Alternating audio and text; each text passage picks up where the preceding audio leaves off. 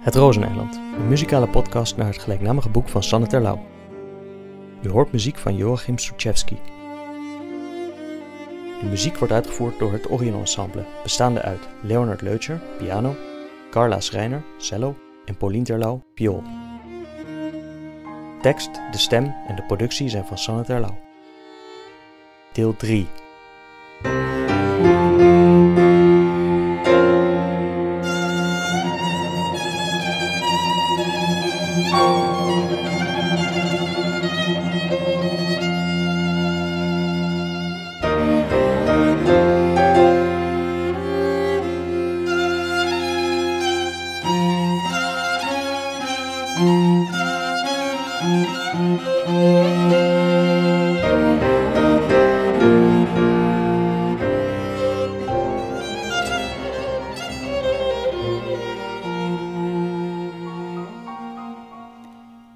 Messias nummer 3, David Alroy.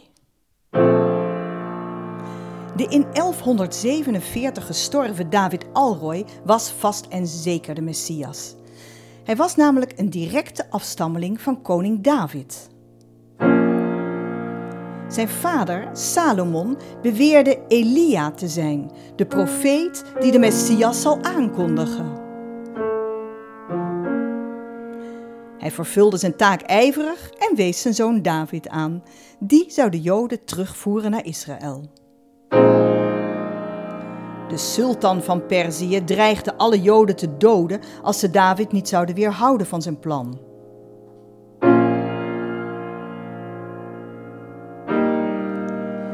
Davids schoonvader nam daarom een drastische maatregel.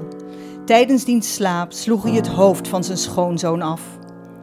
Onthoofd of niet, de Perzen herinneren zich vooral dat David Alroy aan de sultan wist te ontsnappen door zittend op een zakdoek weg te vliegen.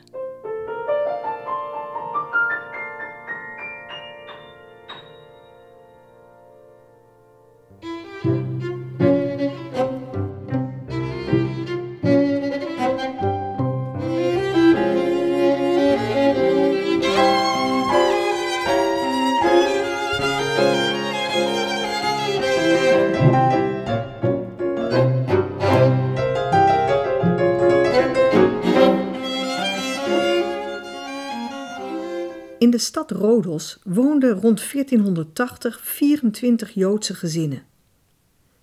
Ze werden er door de christenen gedoogd, al moesten ze zich wel aan speciale voorschriften houden en hoge belastingen betalen. Sarah Bandia had met haar 16 jaar al iets onverzettelijks in haar gezicht. Misschien kwam het door het zwarte donshaar onder haar neus en haar zware wenkbrauwen.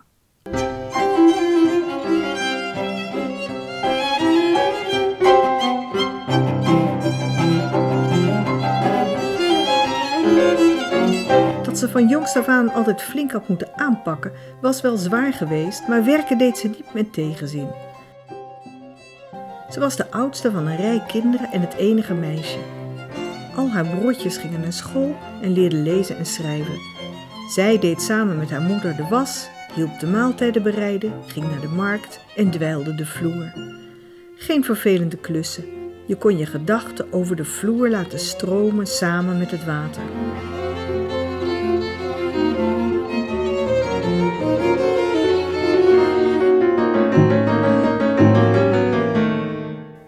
Ze bedacht dat ze verse knoflook moest ophangen tegen kwade geesten. Dat ze aan Hanna, de vrouw van Oleg, het recept wou vragen voor de zoetzure tamarindeblokken die ze gisteren gekocht had. Dat ze nu toch heel binnenkort rozenblaadjes moest plukken, nu de wilde rozen achter hun huis op zijn uitbundigst bloeiden.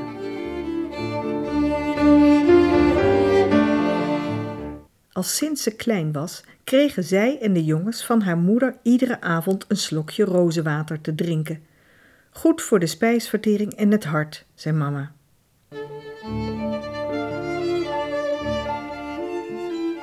Sarah had armen als boomstammen. Ze was veel sterker dan haar moeder. Ze was zelfs bijna even sterk als haar vader en deed sinds een paar jaar alle klusjes waar kracht voor nodig was. Ze putte water uit de stadsput en droeg de kruiken op haar hoofd naar huis. Als ze zo liep, Heel rechtop, om het water niet te verspillen, had ze bijna iets gracieus. Ze voelde zich sterk en in haar element. Haar zou niemand ooit kwaad durven doen.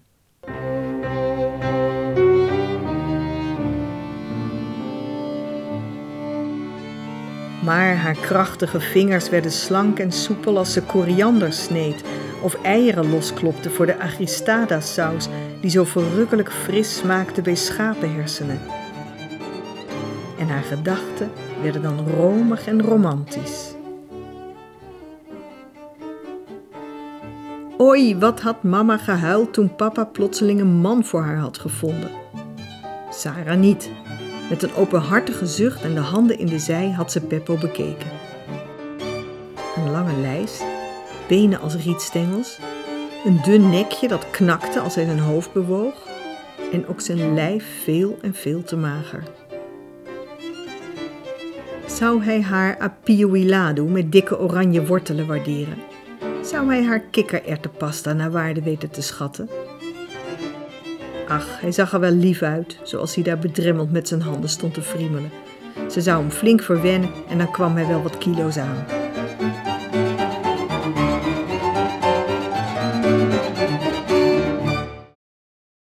Het huwelijksleven viel Sarah mee. Ze kon Peppo goed verdragen. Zijn slappe knieën beletten hem niet hard te werken. Hij waardeerde haar en werd snel dikker. Beter, vond zij. Mannelijker. Soms keek ze werkelijk met genoegen naar hem. Mama, Peppo is een prima kerel. God bewaar, zei haar moeder. Een prima kerel, wat betekent dat? Hoe is hij in bed? Ach, dat, zei Sarah en keek naar een plank hoog in de keuken waarop potten met specerijen stonden. Gekruid kan ik het niet noemen. Mama giechelde. Geef je hem iedere avond rozenwater? Natuurlijk. Kind toch, daar wordt hij natuurlijk te kalm van. Mannen moet je geen rozenwater geven. Geef hem liever een pittig stuk schapenvlees.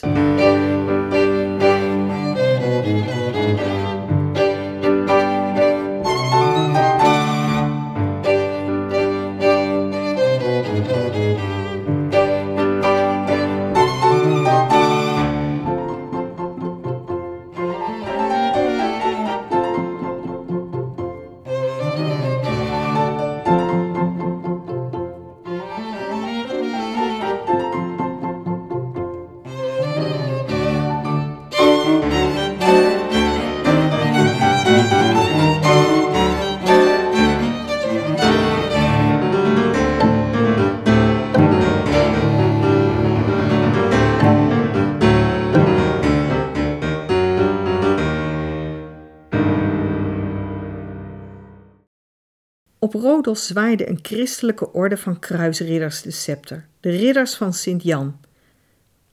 Ze hadden dikke muren om de stad gebouwd om vijanden buiten te houden. Tot nu toe was dat gelukt. Maar toen de Turken zo sterk waren geworden dat ze het Byzantijnse Rijk konden verpletteren en Constantinopel, de glorieuze hoofdstad van het keizerrijk, innamen, sidderde de christelijke wereld op zijn grondvesten.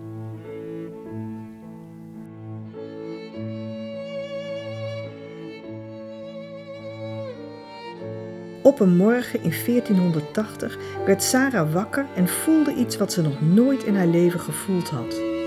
Iets in haar bewoog. Een nieuw mens. Misschien, ze hoopte het, een dochter. Die sterk zou zijn, die ideeën zou hebben en wensen. En die ze zou leren om van de allerkleinste en lekkerste witte boontjes en de allergroenste bladpeterselie piazico te maken. Waar Peppo ook zo van was gaan houden. En juist toen ze zich lag voor te stellen wat ze bij die Piazico zouden serveren, zij en haar dochter, net toen de toekomst heel concreet voor haar werd en de geuren uit haar toekomstige pannen begonnen op te stijgen.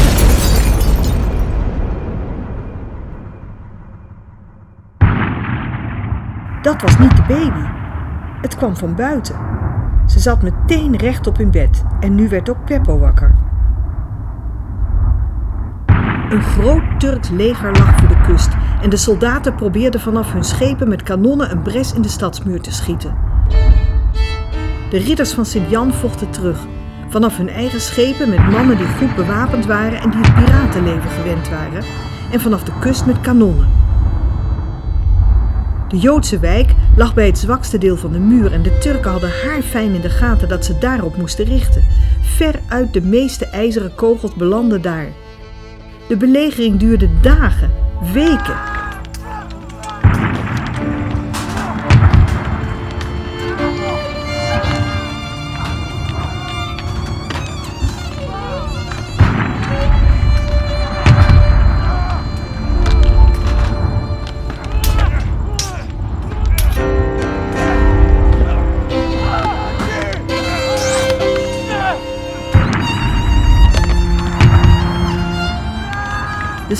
om de Joodse wijk werd geleverd was vreselijk. Sarah, zwanger of niet, stond het grootste deel van de dag op de muur in grote pekpotten te roeren alsof ze soep maakte. Ze had het bloed heet en de inspanning viel haar zwaar, maar ze hield het kind in haar lichaam in gedachten. Als ze niet zou vechten, zouden de Turken haar en haar kind doorsteken met zo'n vreselijk kromzwaard. Ze moest en zou zich verweren, hoe klein de kans ook was dat ze het zouden redden. Op een ochtend bezweek de muur, vlak naast de kleine synagoge.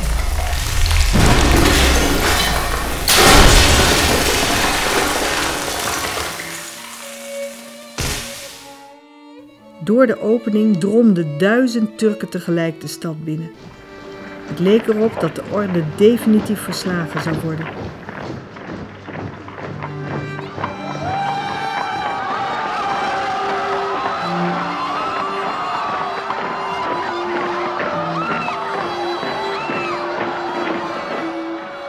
De hoogst geplaatste christen op het eiland, maakte zich gereed voor overgave.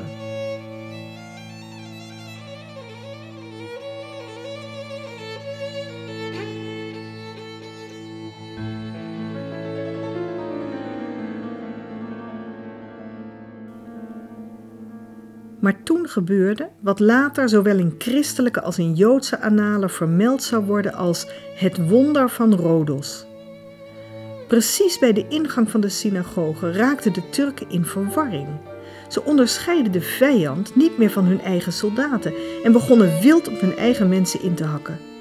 Sarah vanaf de muur kon het duidelijk zien en haar mond viel open van ongeloof. De anders zo onverschrokken Ottomaanse strijders werden bang en sloegen massaal op de vlucht. Ze gingen zo snel mogelijk het eiland af, alsof iemand ze riep, tot stomme verbazing van de verdedigers van Rodos.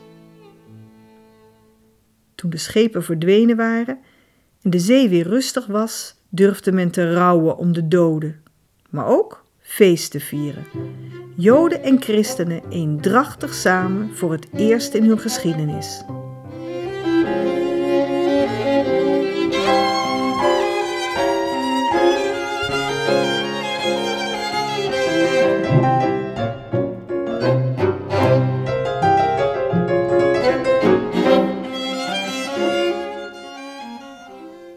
Grootmeester eerde de Joden publiekelijk voor hun geweldige inzet tijdens de slag en gaf ze honderd ducaten om hun huizen te herstellen. Vervolgens liet hij twee grote kerken bouwen, één aan elke zijde van de kleine synagoge, om God te danken voor de plotselinge verwarring onder de Turken. En Sarah? Sarah beviel van een stevige dochter.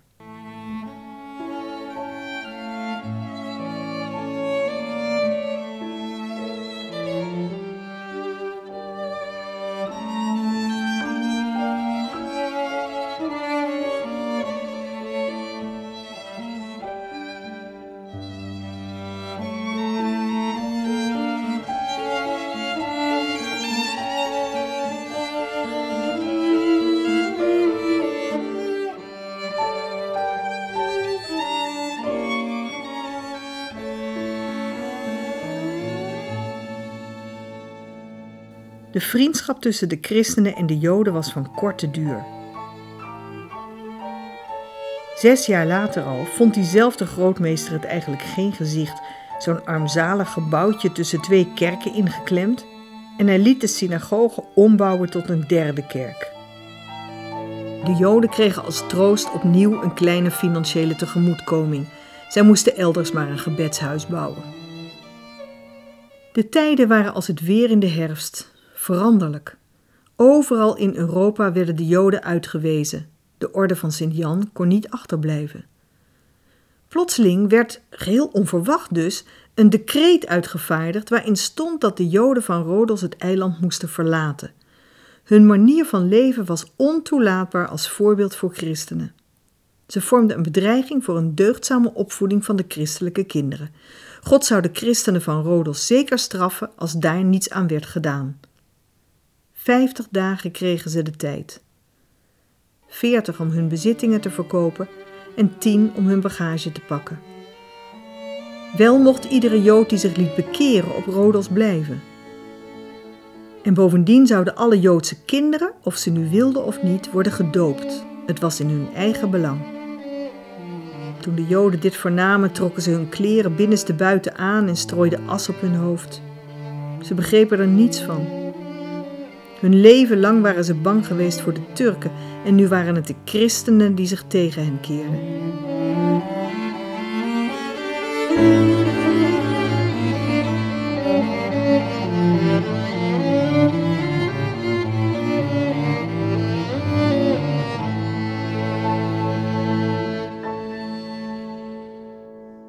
De grootmeester luisterde niet naar de pleidooien van de Joden.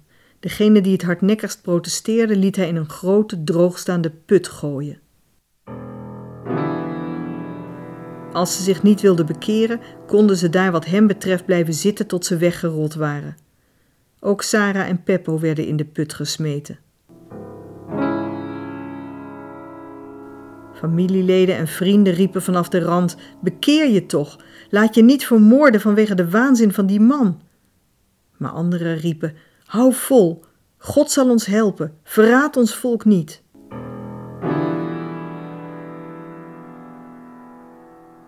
De mensen in de put gaven niet toe. Ze hielden elkaars hand vast en zeiden: Shma Yisrael, Adonai Eloheinu, Adonai Echad.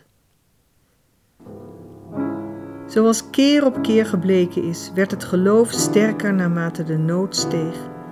Met het eeuwenoude gebed op de lippen stierven ze van uitdroging en uithongering, de een na de ander, terwijl hun familieleden hun kleren scheurden en jammerden, zodat het ver op zee te horen was. Peppo ging eerst.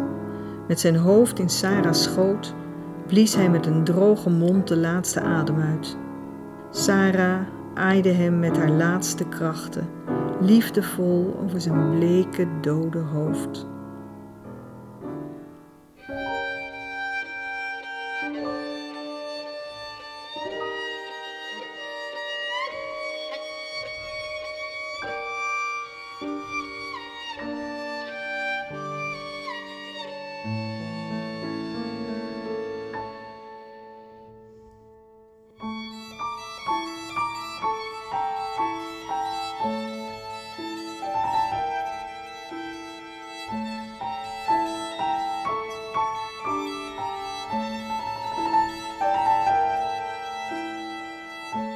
Op een ochtend kwamen de soldaten van de orde de Joden uit hun huizen jagen. Er stonden emmers met gewijd water klaar. Alle kinderen moesten naar voren komen en voordat ze beseften wat er gebeurde, stortten de soldaten de emmers over de trillende kinderen leeg onder het uitspreken van een christelijk gebed. Zo werden de Joodse kinderen van Rodos gedoopt, precies zoals dat op vele andere plaatsen in Europa gebeurde. En dat was het officiële einde van het vrije Joodse leven op Rodos. Een tijd van slavernij brak aan.